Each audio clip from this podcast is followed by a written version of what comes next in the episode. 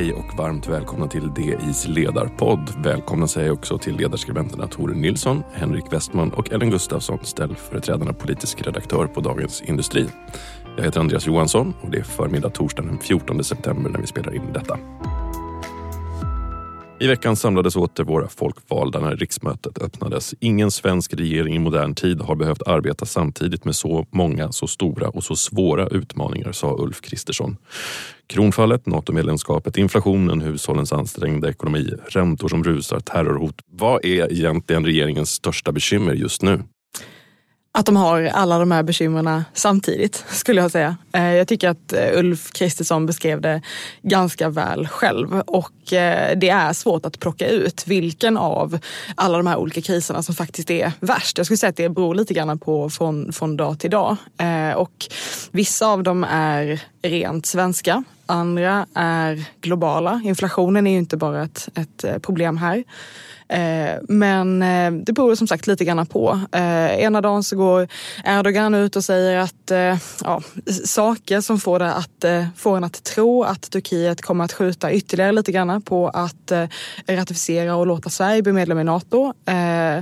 Andra dagen så har vi skjutningar som vi har haft nu egentligen den senaste veckan. Det har ju seglat upp igen som ett större problem. Det var ju ett tag när det faktiskt var lite lugnt där olika gangsternätverk kom överens om att man inte skulle skjuta varandras familjer och släktingar och nu har man ju uppenbarligen övergett den devisen. Så att eh, man, man har eh, väldigt många problem att hantera samtidigt och eh, det är klart att det är en, eh, det skulle stressa vilken statsminister som helst tror jag. Mm. Håller ni andra med? Jag tycker väl egentligen, jag är mest intresserad av det ekonomiska läget. För de andra problemen är ju större egentligen, men där är man ju tämligen överens i Sverige om att de måste lösas. Det kanske är detaljer i hur det ska göras, men, men alla har i alla fall samma syn på, på säkerhetsläget och NATO-frågan och terrorhoten och skjutningarna och så vidare. Men det ekonomiska läget är ju så att säga begränsningen. Om det blir en kris så blir ju det begränsningen för vad regeringen kan göra och framförallt vad den kan koncentrera sig på.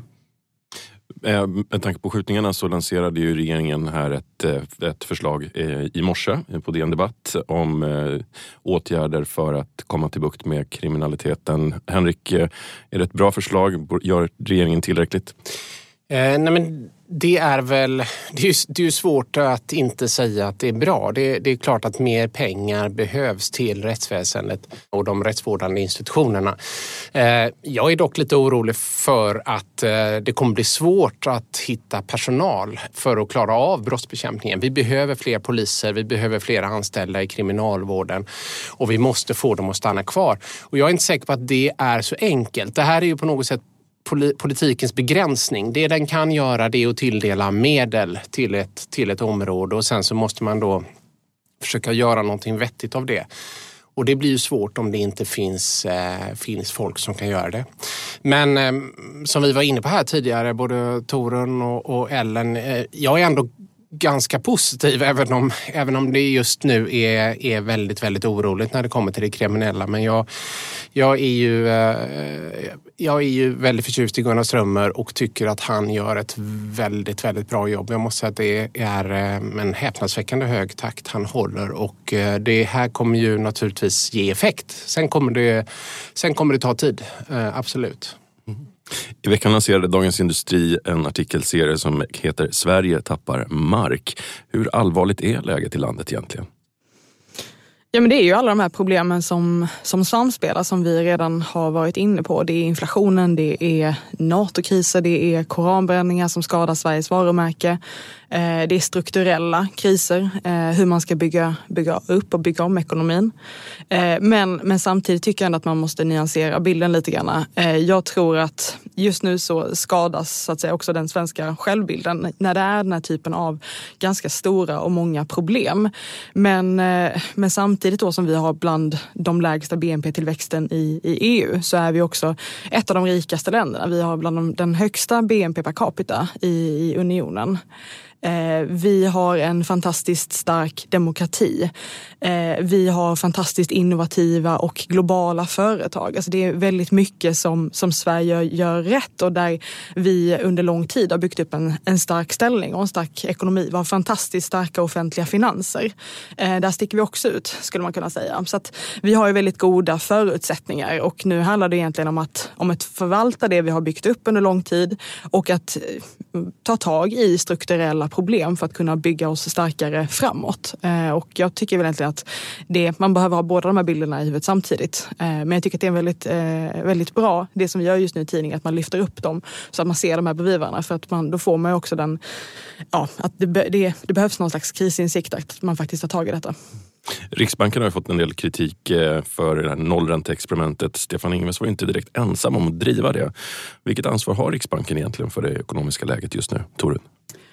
De har ju självklart ett ansvar men, och, och, eh, svenska riksbanken gick ju ganska långt med sin minusränta. Men samtidigt som ju del i ett stort eh, globalt spel som har pågått i över 20 år om att eh, hålla nere inflationen med, med räntepolitiken.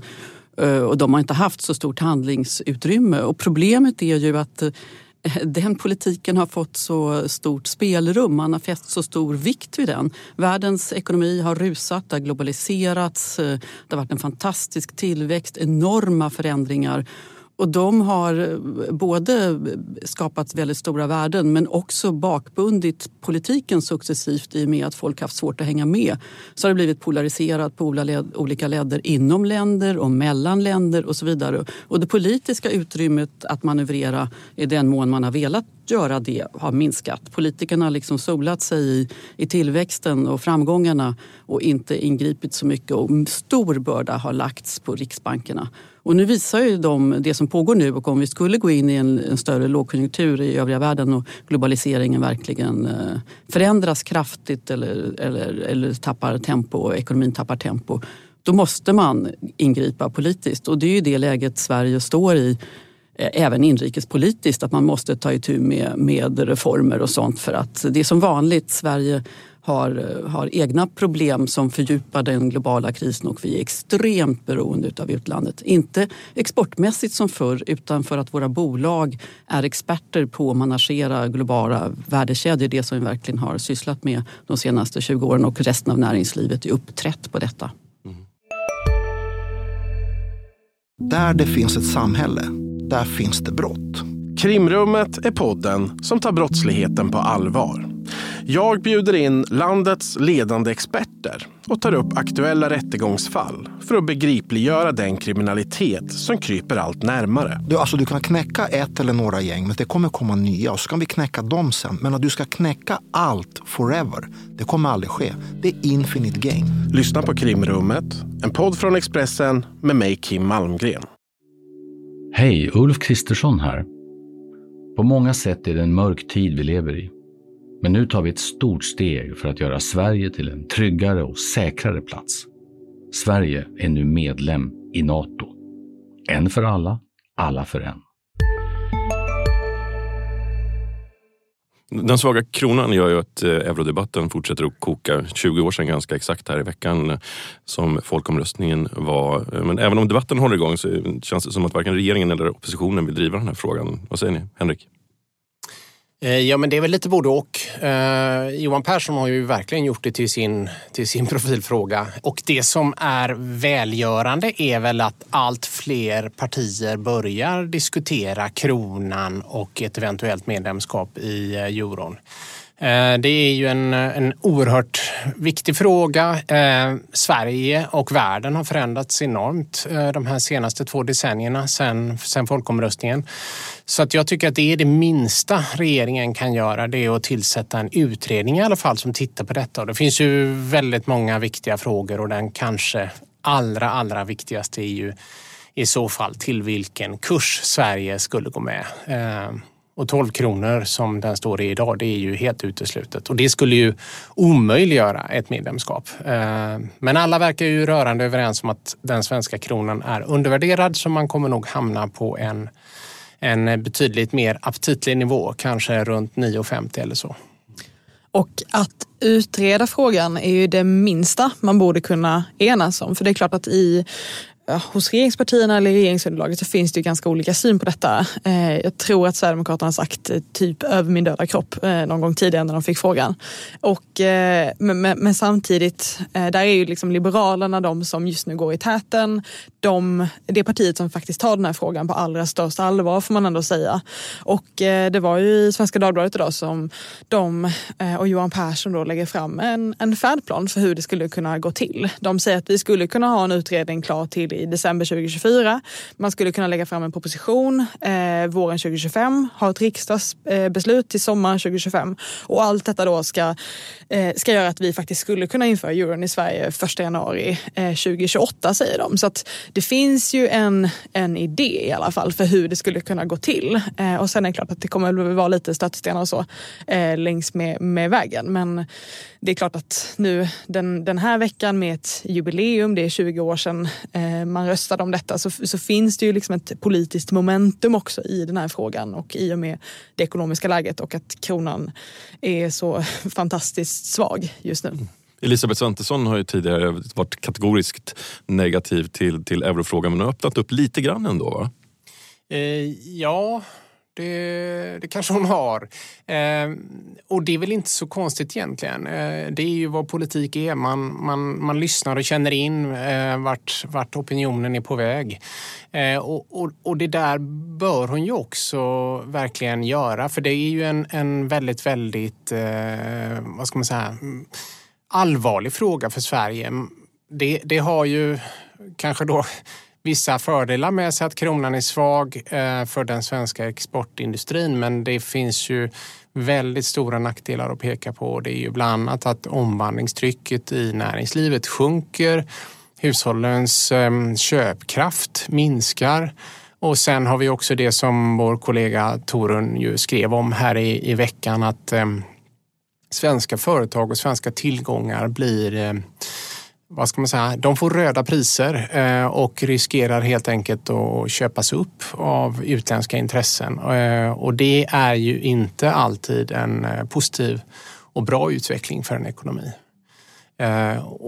Och jag tycker också att det som verkligen bör mana till eftertanke och få dem att vilja tillsätta den här utredningen det är ju just att alla är så överens om att någonting är fel i det här kronan ska inte vara så svag. Eh, men den är det och det tycker jag att det, det bör man börja med att titta på. Eh, skälen till detta, vad Sverige kan göra eh, för att kronan ska bli starkare. Och hela den här bilden gör ju också att det är ganska ocharmigt som politiker att avfärda hela den här frågan. Och eh, om man ska tro Ulf Kristersson så säger han sig i alla fall välkomna den här debatten även om inte han eh, har uttalat sig för eller emot utan bara konstaterar att det finns för och nackdelar. Eh, och, och som sagt, säger att det är bra att den här diskussionen pågår. Då tycker man att den, eh, att den synen skulle genomsyra hela hans regering. Alltså att man har en mer, ett mer öppet förhållningssätt till euron, även om man inte behöver sätta ner foten i hela, hela regeringen just nu. Mm, vi lär få återkomma i frågan.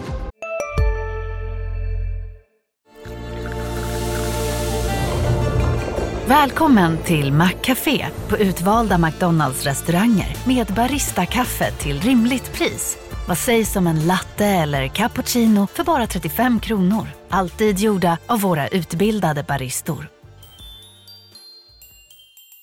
Hej, Synoptik här. Hos oss får du hjälp med att ta hand om din ögonhälsa. Med vår synundersökning kan vi upptäcka både synförändringar och tecken på vanliga ögonsjukdomar. Boka tid på synoptik.se. Missa inte våra andra poddar, Analyspodden, Makrorådet och Digitalpodden. Ansvarig utgivare är Peter Fällman.